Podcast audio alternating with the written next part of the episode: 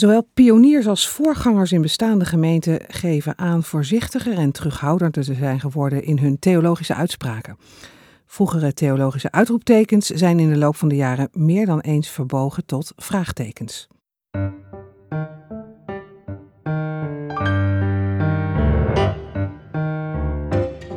De Theologie-podcast gaat over wat vandaag speelt in kerk en theologie. De Theologie-podcast wil delen, inspireren en verdiepen. Zaak Stoppels en Jan-Martijn Abrahamsen waren van 2018 tot medio 2023 als onderzoekers verbonden aan de kenniskring Theologie van de Christelijke Hogeschool in Ede. Zaken Stoppels als onderzoeksleider in de rol van lector zingeving in nieuwe geloofsgemeenschappen met als onderzoeksthema christelijk heil. En ze zijn allebei verantwoordelijk voor de bundel Zoeken naar dingen die boven zijn. Hartelijk welkom, Zaken en Jan-Martijn. Heb jullie goed genoeg aangekondigd? Want uh, Jan Martijn, jij bent eigenlijk de opvolger van zaken aan uh, de Christelijke Hogeschool. Ja, ik uh, heb zijn mantel overgenomen. Zijn mantel, niet de halve of de hele? Nou ja, dat is nog wel de vraag. Dat ja. moet ze nog maar bewijzen. Ja, en zaken, jij bent inmiddels met pensioen, heb ik begrepen. Ja, ja. Maar, maar je was nog wel bezig met deze bundel. Ja, ik heb een soort uitlooptijd aan de zee gekregen om de bundel af te maken tot december. Ja, nou kijk aan. De ligt onderzoek natuurlijk uh, ten grondslag aan deze bundel. Zoeken naar de dingen die boven zijn, uh, naar missionaire pioniersplekken. Dat is een hele mooie term en in christelijk Nederland kent iedereen die wel, maar daarbuiten is het misschien wat onbekend. Wat is dat, een missionaire pioniersplek? Ja, kerken zoeken naar verbinding met mensen die zeg maar, niet zo gauw de, de drempel van de gewone kerk overstappen. Ze zeggen van het evangelie is uh, voor iedereen. En kunnen we al plekken creëren waar ook mensen zich vrij voelen te komen die, die niet zo gauw een kerk zullen binnenstappen. Mm. Dus een enorme variatie aan plekken van, uh, van uh, Coral Evans Song tot uh, kerkcafés, ehm, tot nieuwe, nieuwe geloofsgemeenschappen die heel laagdrempelige viering hebben. Dus ja. een enorme variëteit, ook, ook theologisch gezien. Ja, en waarom, uh, Martijn, was dat nou juist een goede plek voor jullie onderzoek? Nou ja, daar begon ons onderzoek. Uh, dat wil zeggen, uh, wij dachten van wat gebeurt daar nou en hoe helpt ons dat vandaag de dag opnieuw over ons geloof spreken? Wat gebeurt daar eigenlijk aan uh, experimentering? Wat gebeurt er aan nieuwe geloofstaal? Als een soort eh, laboratorium eigenlijk van ja, de kerk. Hoe spreken ze daarover? Precies. maar wat we eigenlijk ook ontdekten is dat die vraag naar het heil, daar begonnen we. Dus we begonnen aan hen te vragen van joh, hoe spreek je over het heil? Hoe denk je erover? En zij gaven aan ja, nou ja, die ervaring van pionieren verandert onze kijk eigenlijk heel erg. Wij veranderen zelf. Uh, maar datzelfde zagen we eigenlijk gewoon bij bestaande predikanten. Mm.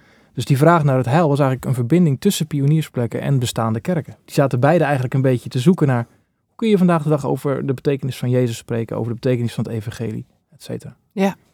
Twee weken geleden zat hier Stefan Paas. Ja, die uh, pas van gehoord. Ja, die kennen jullie vast. Ja. Die uh, ook betrokken is bij dit onderzoek. Uh. Die net een boek heeft uitgebracht over heil. En dat heet Vrede op aarde. Heel kort door de bocht. Zijn pleidooi is om het woord heil te vervangen door vrede. Nou ja, dat is wel heel kort door de bocht. Maar Ja. hoe zijn jullie aan elkaar verbonden? Want het lijkt op elkaar, deze onderzoeken. Ja, we hebben een soort uh, deal, zeg maar. De onderzoeksgroep van Stefan Paas in vroege Kampen, nu Utrecht. En die van ons, die zijn verbonden. Uh, Jan Martijn en ik doen allebei mee als research fellow in het onderzoek van, van Stefan.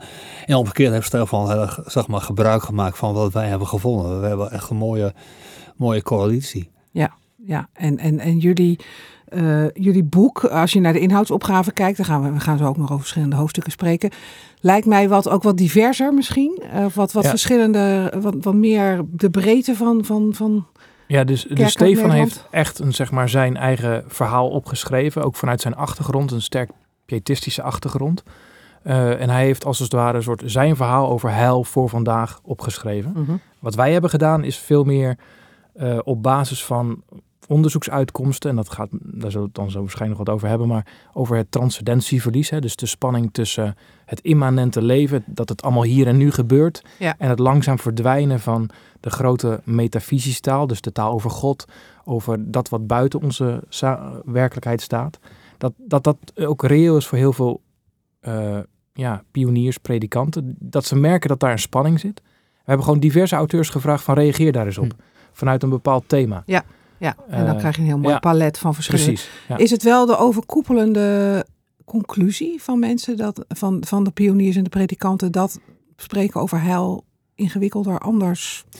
Ja, dat was, dat was wel het, zeg maar, de uitkomst van ons onderzoek. Uh, dat, dat veel mensen aarzelen over um, om een enige stelligheid dingen te beweren. Hm.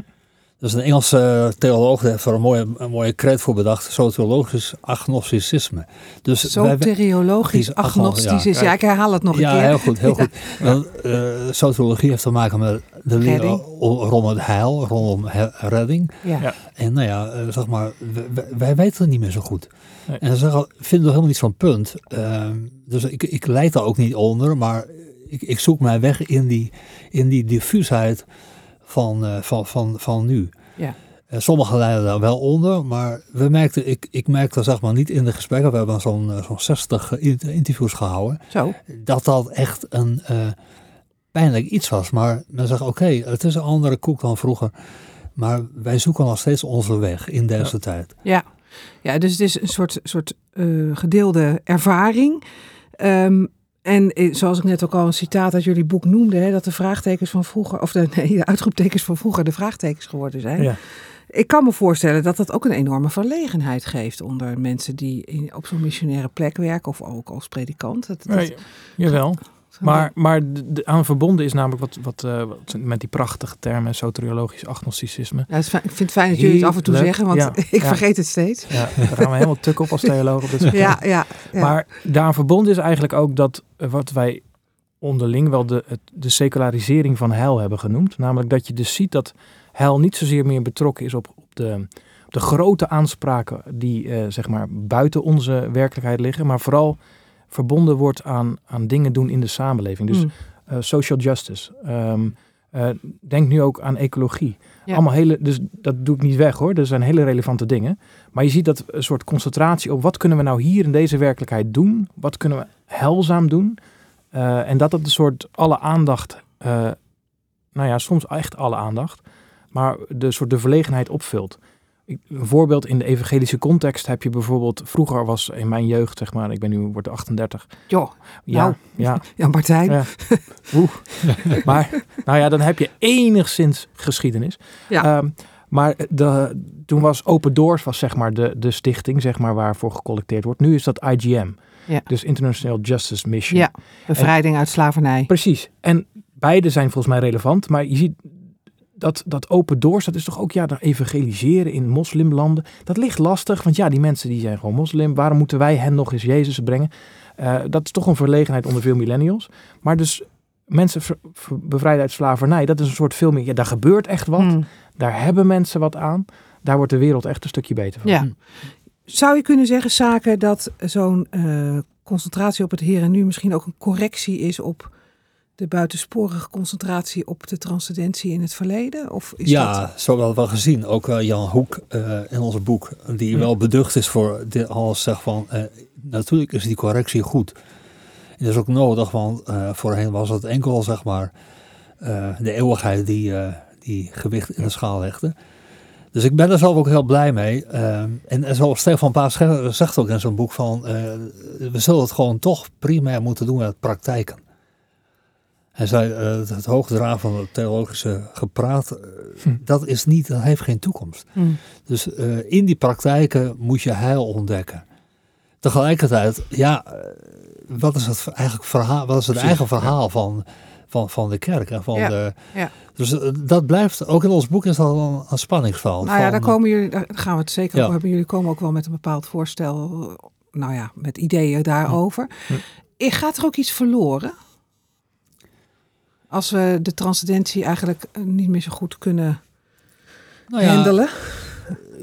Kijk maar, ongelooflijke druk die op mensenlevens ligt. Hè? Van alles moet hier en nu gebeuren. Dus uh, you only live once and fear of missing out. Ja. Dat zijn allemaal dingen die ontzettend veel druk geven. Dus uh, ja, dat komt ook omdat er, als je het hier niet maakt, dan maak je het nergens. Nee. En dat besef, uh, zeg maar, dat uh, traditie natuurlijk nooit, nooit is meegegeven. Omdat we denken, ja, maar hierna komt nog iets anders. Uh, en nog een stuk beter ook. Mm. Dat is helemaal weg. Dus dat geeft wel enorme druk op, uh, op onze samenleving. Ja. ja, de prestatiemaatschappij heeft er alles mee te maken. Ik kan mm. me herinneren, ooit het Damian Denis, een bekende psychiater. Ooit, Ja, dat zijn de ook nieuwe profeten. Ja, zeker. die, eh, die ook aangeeft van ja, als je dus eh, geen hiernamaals meer hebt, geen wereld om eh, waar alles goed en recht komt, om het zo te zeggen, ehm, dat je het dan hier moet maken. Maar ook dat alle falen in deze wereld ook eh, ja, het soort het laatste woord krijgt. Hè? Dus de, mensen echt, eh, nou ja, als je de cijfers van vorige week of de week ervoor hoorde, hoeveel jonge mensen in de psychische problemen hebben, Ja. is echt eh, heel hoog. Ja. En voor mij staat dat niet los van, het zal niet de enige verklaring zijn, maar van het verdwijnen van grotere verhalen die zin geven en betekenis geven Mhm. aan ons leven. Ja. Ja. Ja, dus dat, is- dat is ook wel verlies, zou je kunnen zeggen. Ja, zeker dat, verlies, eh, ja. Dat inderdaad de maakbaarheid eh, zo extreem wordt dat dat zo ongeveer het enige is wat overblijft. Jullie schrijven in je boek niet allemaal alle stukken zelf. Er zijn allerlei, Nee. ook jullie eigen hoofdstukken gaan we, ga ik zeker nog over hebben. Er komt van alles voorbij. Jullie analyses, maar ook verschillende verhalen uit verschillende contexten. Het gaat ook nog wel eens over de geluksindustrie. Is de geluksindustrie de ver- vervanging van de transcendentie van, eh, van 50 jaar geleden? Ja, ik weet niet of het zo scherp is. Ehm men is natuurlijk wel heel gericht op, op, op geluk. En zeg maar ook de, de plek van positieve psychologie, die ook in onze buddel een plekje heeft gekregen, van, eh, eh, die natuurlijk heel erg zoekt naar factoren waardoor mensen gelukkig kunnen worden. Ehm, eh, ja, het streven naar geluk heb ik ook. Dus eh, Mm. dat, wie wil dat niet? Nee, Dus precies. of dat nou zeg maar echt een vervanging is van eh, het verlies aan transcendentie, weet ik eigenlijk niet. Nee. Sterker nog. Je kunt, zeg maar, je kunt, eh je kunt ernaar streven. Dat kan ook een geschenk zijn wat je overkomt, omdat je eigenlijk naar iets anders zoekt. Eh, Ja, ja dus het is, je zegt het is niet een vervanging. Het is een soort algemeen menselijk streven misschien. Geluk. Ja, dus Ja. dat zie je. Ik bedoel, eh, Aristoteles schreef er al eh, uitgebreid over.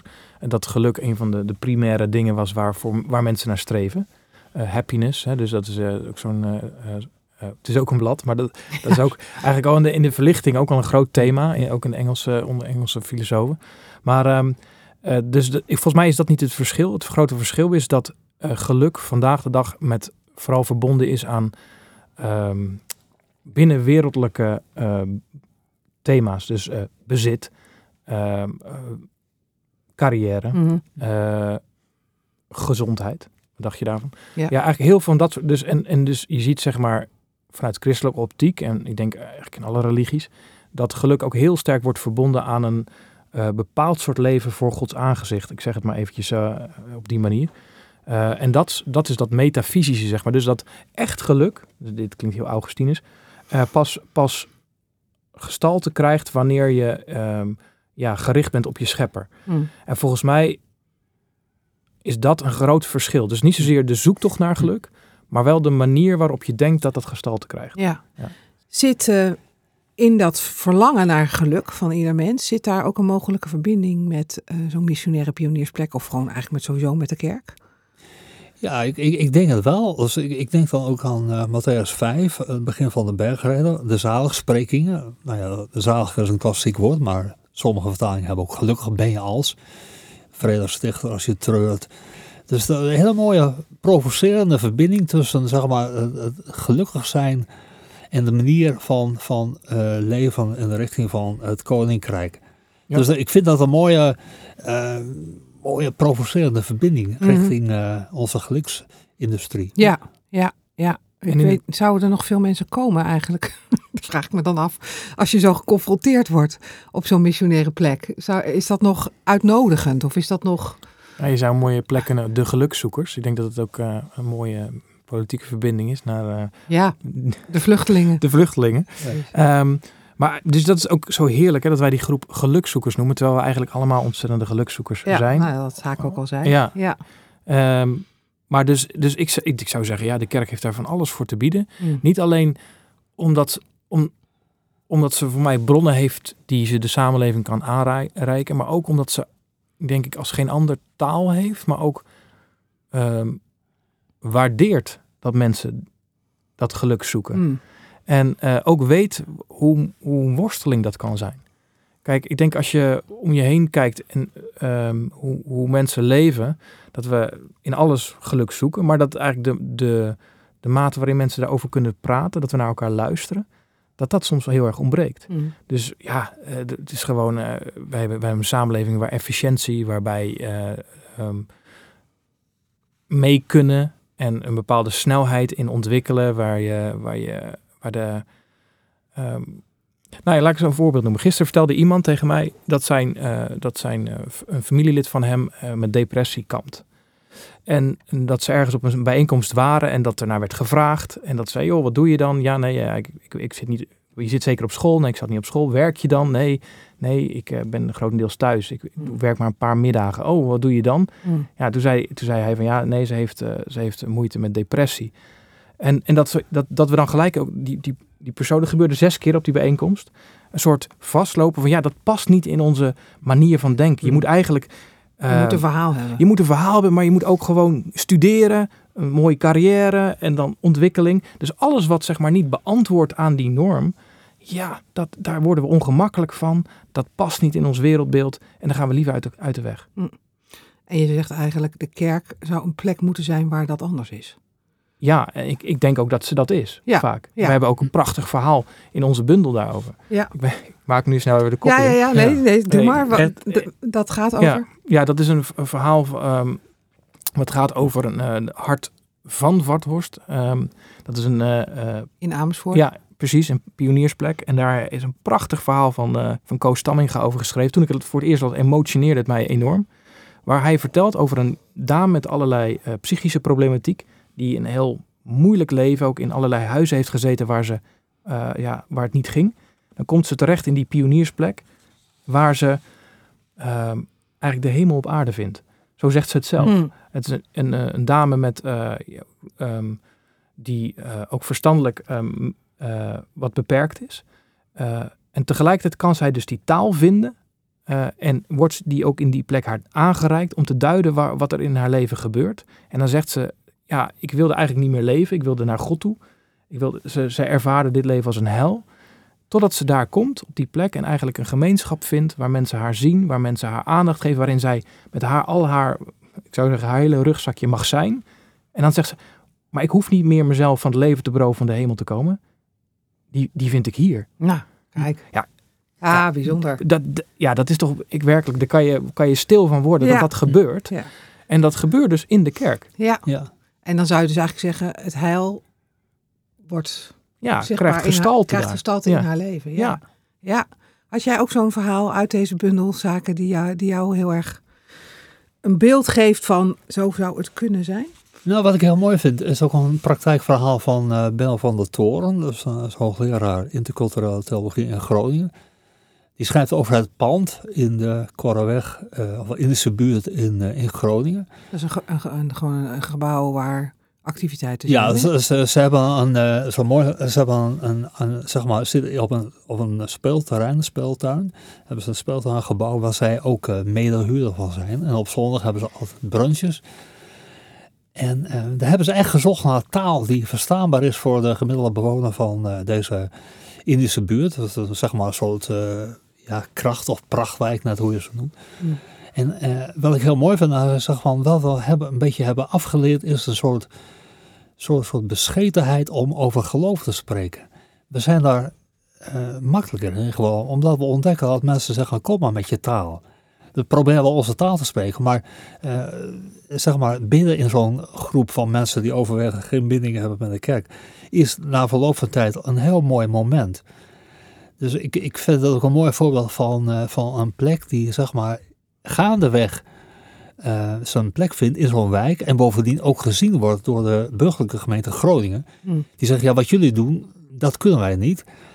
Hier heb je wat geld, waardoor je zeg maar, ook eh, je eigen functioneren kunt versterken. Dus ik vind dat een mooi voorbeeld van, van openheid, die tegelijkertijd een heel eigen identiteit heeft. Dus Ja. die, die herkenbaarheid, ehm dus openheid en, en toch een, een, specifiek eigen geur en kleur. Ja, en je zegt ook, vind ik ook interessant, dat, eh, de, dat je de terughoudendheid wat betreft de eigen taal, hè, zeg maar de taal over heil en dat soort Hm. terminologie, dat je daar ook niet al te bang voor meer hoeft te zijn als, als kerk of als Nee. missionaire plek. En dat je die best mag gebruiken. Dat Alleen, wel- ja. misschien moet je het iets meer uitleggen dan vroeger. Of, Nou ja, je moet, kijk, het is wel zoeken naar eh, het, het klassieke jargon. eh, dat werkt dan gewoon niet. Nee. Maar ze hebben dus ook wel geleerd van, eh, je kunt ook denken van, als de oude taal niet meer werkt, misschien moeten we dan maar geen taal meer gebruiken. Maar ze zeggen, nee, we, hebben, we leren hier om op een nieuwe manier taal te vinden die en recht doet aan wie wij zijn en ook verstaanbaar is voor de mensen met wie we optrekken. Mm. En dat vind ik ontzettend belangrijke les ook voor eh, zeg maar, de gewone kerk. Het pand is, is verbonden aan de Martinikerk eh, gemeente in Groningen. Dat is een origine aan de Bolsgemeente, Ja. met een heel eigen taal nog. Ja. Dus eh, de chemie daartussen is natuurlijk heel vruchtbaar. Ja, ja. Als, je, als je dat lukt om over en weer elkaar eh, te vinden. Ja. Taal nog, zeg jij. Dat klinkt alsof je tegen de Reformeerde Bond wil zeggen, ook bij jullie gaat dat veranderen. Ja, dat denk ik wel. Ja. Ja, ja. Je ziet zeg maar ook eh, in de orthodoxie eh, is, is die verlegenheid ook aanwezig van eh, het klassieke patroon. Ja, dat werkt vaak niet meer. Verzoening door voldoening. Ja, dat is een zeer gevolgd punt. Eh, dus we hebben ontdekt eh, in ons onderzoek dat veel voorgangers daar niet veel meer mee kunnen. Zeg maar Nee. het klassieke idee van dat Jezus bloed ons, onze schuld uitdelgt. Eh, dat is een, een punt eh, waarvan ze zeggen van dat, dat begrijp ik zelf ook niet goed meer. Nee, we hebben zelfs in onderzoek gevonden dat het, tenminste ik heb een aantal, eh, dat waren pioniersplekken die al wat verder ontwikkeld waren. Dat daar eigenlijk dat oude paradigma eigenlijk ook tijdens Goede Vrijdag en Pasen helemaal niet meer werd gebruikt. Serieus? Eh, ja, Oké, deze dominee is nu even geschokt. nou ja, kijk, ik denk we moeten daar niet te dramatisch over doen. Kijk, zo'n eh, verzoening door voldoeningsparadigma, die komt op ook uit een tijd. Die heeft ook een bepaalde context. Die is niet een soort boven de, die is niet van zenkrecht van open, weg maar op deze wereld Karl geland. Bart maar even te citeren. Mhm. kan niet laten. Nee. Ehm, maar die, die heeft een context in een feodale toestand waarin eh, bepaalde gezagsverhoudingen zijn, waar een bepaalde eerschuld bestaat. Dat idee, Mhm. dat, dat kennen wij eigenlijk helemaal niet. Nee. Dus eh, ik wil niet zeggen, je moet het niet van tafel gooien. Je moet niet doen als we ah, joh, achterhaald, daar kunnen we niks meer mee. Nee, laat het, laat het lekker in het arsenaal en de gereedschapskist van de kerk zitten. Maar besef wel dat voor nieuwe generaties dat een heel ondoorgrondelijk en niet meer leefbaar eh, verhaal is. Want Mm. eigenlijk zijn verzoeningsverhalen, daar zijn verhalen. Dus het wil zeggen, ze bemiddelen, ze leggen uit de verbinding tussen wat Jezus heeft gedaan op Golgotha, ruim 2000 jaar geleden, eh, en eh, ons leven nu. En zo'n verzoeningsverhaal probeert eigenlijk uit te leggen hoe kan dat wat Jezus heeft gedaan verlossend zijn voor ons nu. Mhm. Nou, daar, heb je, daar heeft de kerk verschillende verhalen voor. Daar is verzoening door voldoening er één van. Ja. Eh, die, die echt zijn waarde heeft en zijn betekenis heeft. Maar die voor nieuwe groepen of voor nieuwe generaties eh, niet meer behulpzaam is. En Nee. dat is uiteindelijk het doel. Ja. Ze moeten ons helpen om te verstaan wat Jezus heeft gedaan. Nou ja, en dus dan kun je ook vragen, zijn er vandaag nieuwe verhalen? Nodig? nieuwe verhalen. Ja, ik vind het heel herkenbaar. Met een groep uh, Ja. merk ik dat ook. Ja, ja, dat, Ja. Is, dat, is, dat is niet over te brengen. Nee, En, eh, nee. wel te begrijpen. Hè? Dus Ja. ze kunnen het idee begrijpen, Mhm. Maar ze kunnen het niet meer leven. En dat is eigenlijk ook een beetje wat wij in deze bundel getracht hebben te doen. Dat is ook iets wat Stefan eh, met zijn boek heeft gedaan. Niet alleen kijken van ja, wat kunnen we theoretisch goed uitleggen, maar ook iets wat is, wat is leefbaar voor mensen vandaag de dag. Mm, ja. Dat wil zeggen, kun je er echt ook mee leven? Mhm, mhm. Ja. Nou, jullie hebben zelf natuurlijk ook allebei een hoofdstuk Tuurlijk. eh, bijgedragen. Ja. Eh, naast nog heel veel andere dingen. Zaken, jij, eh, jij eh, gaat in, en dat sprak mij ontzettend aan, op de kerk als ambachtsschool. Een school of life. Hm. Die school of life heb ik eerder gehoord. Ambachtsschool, dat roept bij mij allemaal inderdaad mooie beelden op van eh, jongens die praktisch werden opgeleid en eh, allerlei tools aangereikt kregen om het leven aan te kunnen. Maar hoe ziet jouw ambachtsschool eruit? Nou, ik, ik kom op die, die typering, die, die wel een beetje archaïs is. Hè? Want vroeger had je de ambachtschool en je hebt de oude ambachten. Dus het is ook een woord waarvan ik dacht van... eh, Moet ik dat wel gebruiken? Moet ik dat wel gebruiken? Maar ik kwam erop door Tish Warren eh, met haar boek eh, Bidden in de Nacht. Ja. Die heeft, in het Engels heeft ze... faith is more a craft than a feeling. Hmm. En dus zeg maar, geloof is meer een ambacht dan een gevoel. En dat vind ik ook wel herkenbaar. In een tijd waarin zeg maar, die gevoelsmatige kant heel sterk naar voren komt. Ook die, die zeg maar, bevestigende kant, die troostende kant. We hebben onderzoek gedaan naar, eh, naar bestsellers. Ehm, zeg maar, eh, welke boeken do- doen het gewoon goed in de christelijke wereld. En, en toen sprong er eentje uit eh, op basis van het, de top 10 van, eh, van het Nederlands Dagblad. Een aantal jaar geleden. Dat was het boek van Sarah Young. Dicht bij Jezus. Hm. Dat was een ongelooflijke bestseller. En dat is één grote bevestiging van, ja, mag er zijn. En dat is ook denk ik een behoefte die, die nu heel legitiem is ehm, in onze samenleving, waarin, waarin, heel veel, waar- waarin er heel veel druk op je afkomt. Maar ik dacht, ja, maar dat kan niet het hele verhaal zijn. Nee. Het evangelie is ook buitengewoon eh, uitdagend. En dat vereist geloof als ambacht. Ja, Dat je dat leert te hanteren. want je mag er zijn, dan is het wel zo van oké, eh, nou dan is het wel klaar, zeg maar. Ja, ja. Terwijl jij nu zegt ambacht, eh, waar moet ik dan aan denken? Waar moet, waar, waar moet er gaan ge, ge- Nou ja, ik ben natuurlijk eh, ik ben er heel lang bezig met eh, zeg maar leerling zijn van, van Jezus. Van, eh, ik heb als gevraagd in de kerk, mensen zeiden van ja, natuurlijk zijn wij discipelen, zijn wij leerlingen. Maar toen vroeg ik wat heb je nou geleerd? Geef ons aan wat je nou door jouw meedoen in deze gemeente geleerd hebt. En toen zeiden ze van, ja, dat weet ik eigenlijk niet zo goed. Hm. Dat is wel een goede vraag, ze. Ja, oké. ja, dat is altijd verdacht als mensen dat zeggen. Ja. Goeie vraag, hebben ze geen antwoord. Ja, Nee. maar omdat, je, omdat we natuurlijk nooit, in die, zin- in die zin, bijna nooit over de kerk denken. Van, wat heb ik nou, als ik nou eh, 15 jaar ergens meedoe, Ja, heb ik dan iets geleerd? en hoe heeft het mijn geloof Hoe, veranderd? ja, hoe heeft dat mijn leven gevormd? En, eh, dus daarom vind ik het idee van ambacht, dat moet je oefenen. Dat moet je gewoon leren, moet je ook trainen. Vind ik een mooie aanduiding om, eh, zeg maar, eh, als tegenhanger tegen die hele gevoelsmatige, eh, bevestigende kant van, eh, van geloof, die ik ook zeker van belang vind. Ja. Die is cruciaal. Ja. ja, mij bekruipt bij dat soort boeken ook altijd, er komen er echt veel van uit, ook een soort Hm. gevoel van, ja, maar dit is, dit is wel een beetje weinig, een beetje mager, als dit het is. Ja, zo, Wat natuurlijk heel fijn is, maar ja, Hmm. is er niet, er moet toch iets meer zijn. Het evangelie moet toch ook schuren, moet toch ja. ook... En, en ehm, wat zijn dan plekken voor waar dat dan kan gebeuren? Waar er aan je gebeiteld wordt, aan je geschuurd wordt, aan je, ik noem maar, ik, ik zie allerlei fysieke allemaal instrumenten nu voor me. Ik weet niet of je dat bedoelt, maar Nou, ik, ik, ik, ik kom in mijn, mijn hoofdstuk wel een voorstel. Ehm, ik heb geen idee. Ik leg het gewoon maar neer in, in de kerk. Ik zeg van, eh, er zijn vijf marks of mission. Dus eh, vijf eh, zeg maar, dimensies van, van missionair zijn. Ehm, ik zal allemaal alle vijf niet opnoemen, maar de laatste twee hebben te maken met zeg maar, justice, het doen van recht. En eh, de vijfde heeft te maken met een eh, ecologische eh, bewustzijn. En dat is allemaal mooi. Iedereen vindt het allemaal prachtig. En er zijn gelukkig veel groene kerken. Maar ik, ik, ik, ik heb voorgesteld, zou het mogelijk zijn om bij die eh, vierde en vijfde mark of mission soort leefregels voor te leggen aan de mensen in de gemeente. Hm. Van ik beloof dat. Ehm, en is dat een manier, zeg maar, om ook die, dat leerling zijn meer body te geven. Ik, ik weet dat dat is buitengewoon een gevolg, want iedereen denkt aan de tucht en aan ja, ik dacht vroeger mocht je geen seks voor het huwelijk en nu mag je niet meer vliegen of zo. Om het maar een beetje even Nou ja, kijk, die, die ruimte, dat is voor mij zo ook een gevolgd thema. Maar goed, Oké, eh, daarom zeg ik het ook. ja, nee, heel goed, heel goed.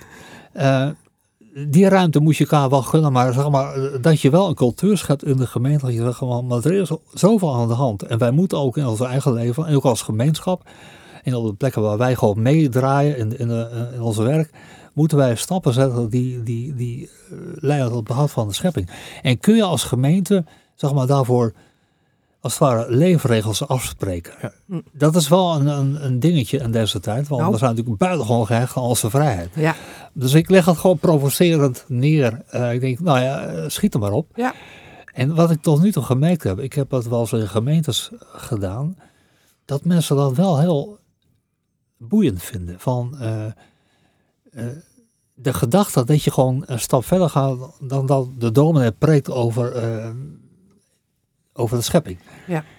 Nou, dat het ook consequenties heeft. Ja, ja. Ja. Het is eigenlijk een soort kloostertraditie Ja. wat Ja. je weer terugkomt. De regel van Ja. Benedictus, Ja, dat precies. wordt dan Ja. de regel van eh, de Huppel de in Driebergen of zo. Ja. ja, ja.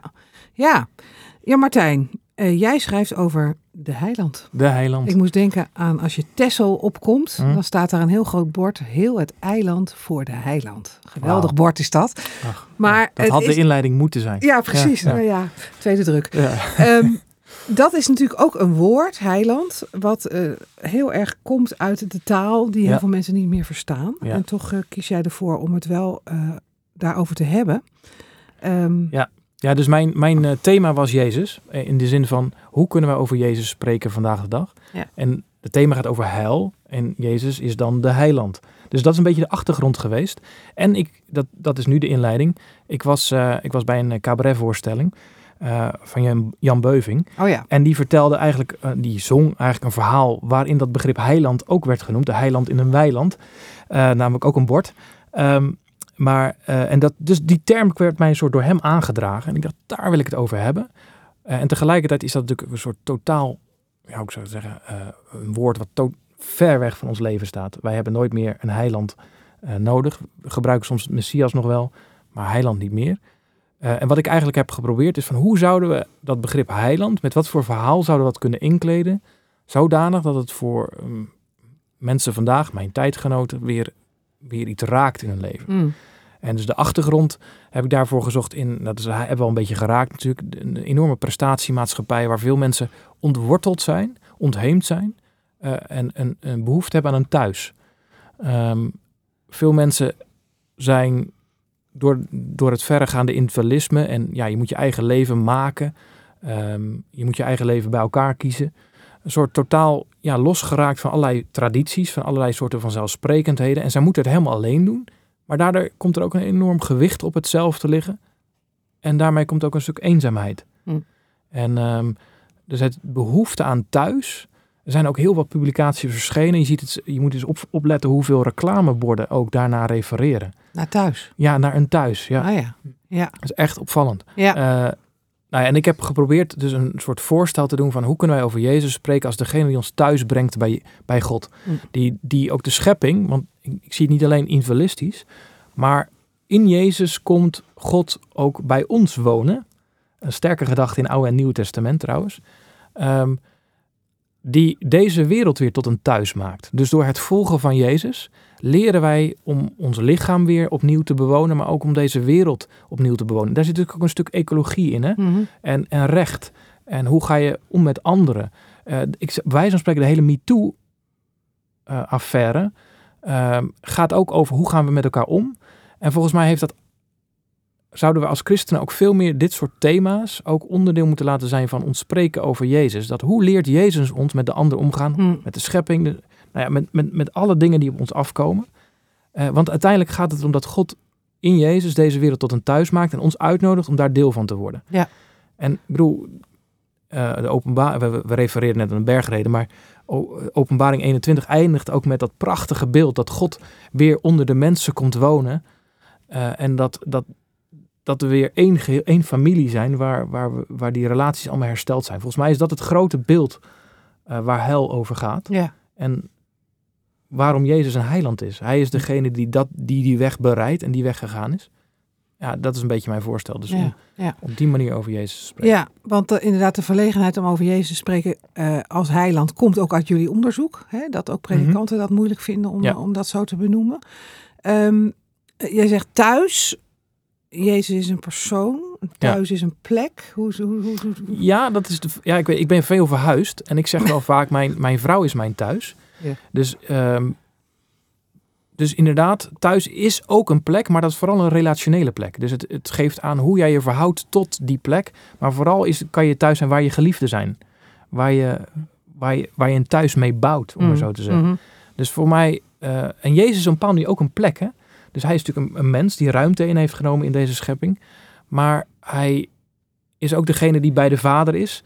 Uh, en je hebt die prachtige zin, dat komt uit dezelfde tekstgedeelte waar ook uh, onze, de titel van ons boek uitgenomen is. Namelijk zoeken naar de dingen die boven zijn. En er staat er ook dat, dat, uh, dat ons leven geborgen is in Christus bij de Vader.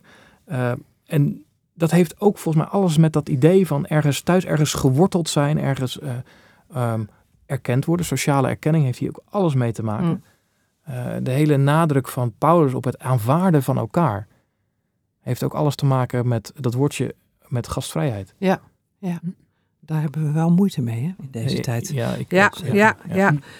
ja. Um, het is een bundel, uh, zaken Jan Martijn, met een enorm breed palet, zou je eigenlijk wel kunnen zetten, zeggen. Is er voor jullie een soort um, ja, een soort, soort gemene deler in al die verhalen, waarvan je denkt, ja, dat is een richting. Want het is een beetje, ik heb zelf het idee, ook als dominee, dat we ook ontzettend aan het zoeken zijn. En um, ja, richtingen zoeken. Hm. En dan komt er weer zo'n boek van Tish Warren en dan Hmm. denk je, oh ja, ja, ja, dat is het. Ja, Dat zo, het. Zo moeten we het doen. Ja. En dan komt er weer een ander boek en denk je, oh, maar Oh. misschien moeten we toch ook... Maar zit er iets in, in, in, de, iets in, in jullie onderzoek en ook in dit boek waarvan je denkt, nou ja, eh, die kant maar zo'n beetje op? Nou, het is, het is ook wel een, wel een veelkleurig boek. Eh, bijvoorbeeld, eh, we hadden het net over eh, verzoening door voldoening. En dan heb je toch twee auteurs die proberen, zeg maar, in de taal van nu, dat concept toch weer ja, verstaanbaar te maken. Ja. Dus het is, terwijl Stefan Pazel in een slotartikel zegt van, ja, ik weet niet of het wel lukt. Of jullie wel de taal vinden. Dus het is ook een, is ook een dialogisch boek. Eh, dus het is niet een eenstemmig boek. Zoals Stefan zeg maar heel duidelijke richting heeft. Ja. Zouden wij natuurlijk wel mensen laten reageren op ons onderzoek. En sommigen hebben een andere reactie dan anderen. Dus ik, ik vind het lastig om, eh, zeg maar, wat, wat- wat, wat vooral, eh, zeg maar, de, de antwoorden zijn niet gedeeld, maar de, de vragen, die zijn wel voor iedereen even urgent. En dat zien we voortdurend. Dus, eh, we, we hebben, zeg maar, eh, ook van het lectoraat gevraagd aan drie theologische tijdschriften, zeer uiteenlopend, eh Inspirare, Kerk en Theologie en Theologia Reformata, om een thema te, te, nummer te maken over heil. En alle drie hebben ze direct ja gezegd. Hmm. Omdat ze, in welke hoek van de kerk je ook zit, Hm. zie je gewoon, die vragen zijn urgent. Ja, En wij weten gewoon niet zo goed. Eh, het is een soort, soort eh, liminale fase, zeggen sommigen. hè, Zo'n soort, soort tussentijd van het oude werkt niet meer goed. En we zoeken naar een nieuwe taal, naar een nieuwe verbinding. En dat is echt nog eh, eh, exploreren. ja. dus we- jullie zijn eigenlijk een soort ontdekkingsreizigers die ons nu voorgaan. Nou, dat is wel een beetje de, de hoop. Maar ik denk dat er, een, als er een lijn is, dan is die toch ook wel dat, als, dat al ons spreken over boven. Dat is een mooie intro. Ik hoor Eh, Kuitert. Ja, ja. maar dat dat vooral ook verbonden moet zijn met ons leven hier beneden. Hm. Dus dat onze taal over wie God is, ook verbonden moet zijn met praktijken. En met hoe wij vormgeven aan ons leven. En dat op een bepaalde manier die praktijken ook ons spreken over boven geloofwaardig maken. Ehm, en dus dat heil niet alleen iets is over het hiernamaals of iets wat buiten onze werkelijkheid staat, maar dat hier in ons leven, in ons gezamenlijk leven gestalte moet krijgen. Hm. Eh, en dat, dat is, er is geen auteur die daarvan zegt, nee, dat, dat, dat, dat hoeft niet. Nee, dat deelt iedereen. dat uit. deelt en ook de urgentie daarvan. Omdat als dat niet gebeurt, dan wordt het een soort esoterisch gepraat. Ja. Eh, en, en dat is, nou ja, ik zal niet zeggen dat het in het verleden zo was, maar dat was wel het risico. Dat als je veel over de ziel spreekt, maar niet bijvoorbeeld over hoe ga je met je lichaam om en wat koop je dan en eh, hoe ga je met het lichaam van een ander om, dan wordt het, wordt het taal die losstaat van ons, ons morele leven, van Mm. ons, nou ja. En, en ik denk dat dat wel een groot ding is, dat, dat die verbinding essentieel is wil heil voor vandaag de dag betekenisvol zijn voor, voor, voor christenen zelf, maar ook voor hun samenleving. Ja, ja. Want dat is, dat is ook een verlangen wat ik zie in het boek. Ehm, die vanzelfsprekende aanwezigheid van christelijk geloof en kerk, die is er niet meer. Ehm, maar we hebben toch ook wel een soort schatkamer.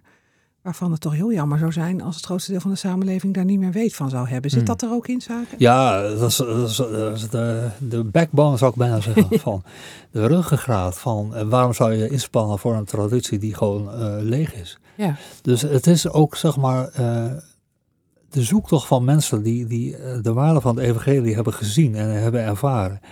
En tegelijkertijd verlegen zijn om in deze samenleving daar taal voor te vinden. ehm, en tegelijkertijd en die zoektocht niet opgeven. En, en dat is ook zeg maar, ehm, we, we zijn steeds bezig geweest met die waarom-vraag. Waarom zou je überhaupt in deze tijd missionair willen zijn? Wat heeft de kerk dan te bieden wat anderen mogelijk niet, niet aanbieden? Nou, dat is zeg maar eh, de grondtoon in een boek van we hebben iets in die traditie wat zo kostbaar is dat eh, we niet over piekeren om het op te geven. Om te zeggen van, nou ja. Leg het hoofd in de schoot en eh, de laatste doe dat licht uit. Ja. Dus, eh, dat is wel een grondtoon in het boek. zoeken. Ja. Nou, iedereen die dat ook doet, en wie doet het niet, eh, kan het boek van harte aanbevelen. Zoeken naar de dingen die boven zijn. Eh, samengesteld en ook medegeschreven door Zaken Stoppels en Jan-Martijn Abrahamse. Dank voor jullie komst Mooi en voor dit gesprek. En inkijk ook in jullie, eh, in jullie motivatie. Wil je meer lezen over missionair kerk zijn en uh, over het denken daarover? Ga dan naar een speciale themapagina die is gemaakt. www.theologie.nl slash missionaire kerk. Daar staan een groot aantal actuele artikelen over het thema bij elkaar. Deze podcast is onderdeel van het platform theologie.nl. En daarop zijn uh, blogs te vinden, boekrecensies, allerlei artikelen, theologische artikelen, allemaal klaar voor jou om te lezen. En uh, als je dat eens een keer wilt doen, ga dan naar theologie.nl en dan kun je een maand lang gratis uh, toegang hebben tot de website. Ga naar de site, kies lid worden en gebruik de code podcast tijdens je bestelling. Tot ziens op theologie.nl.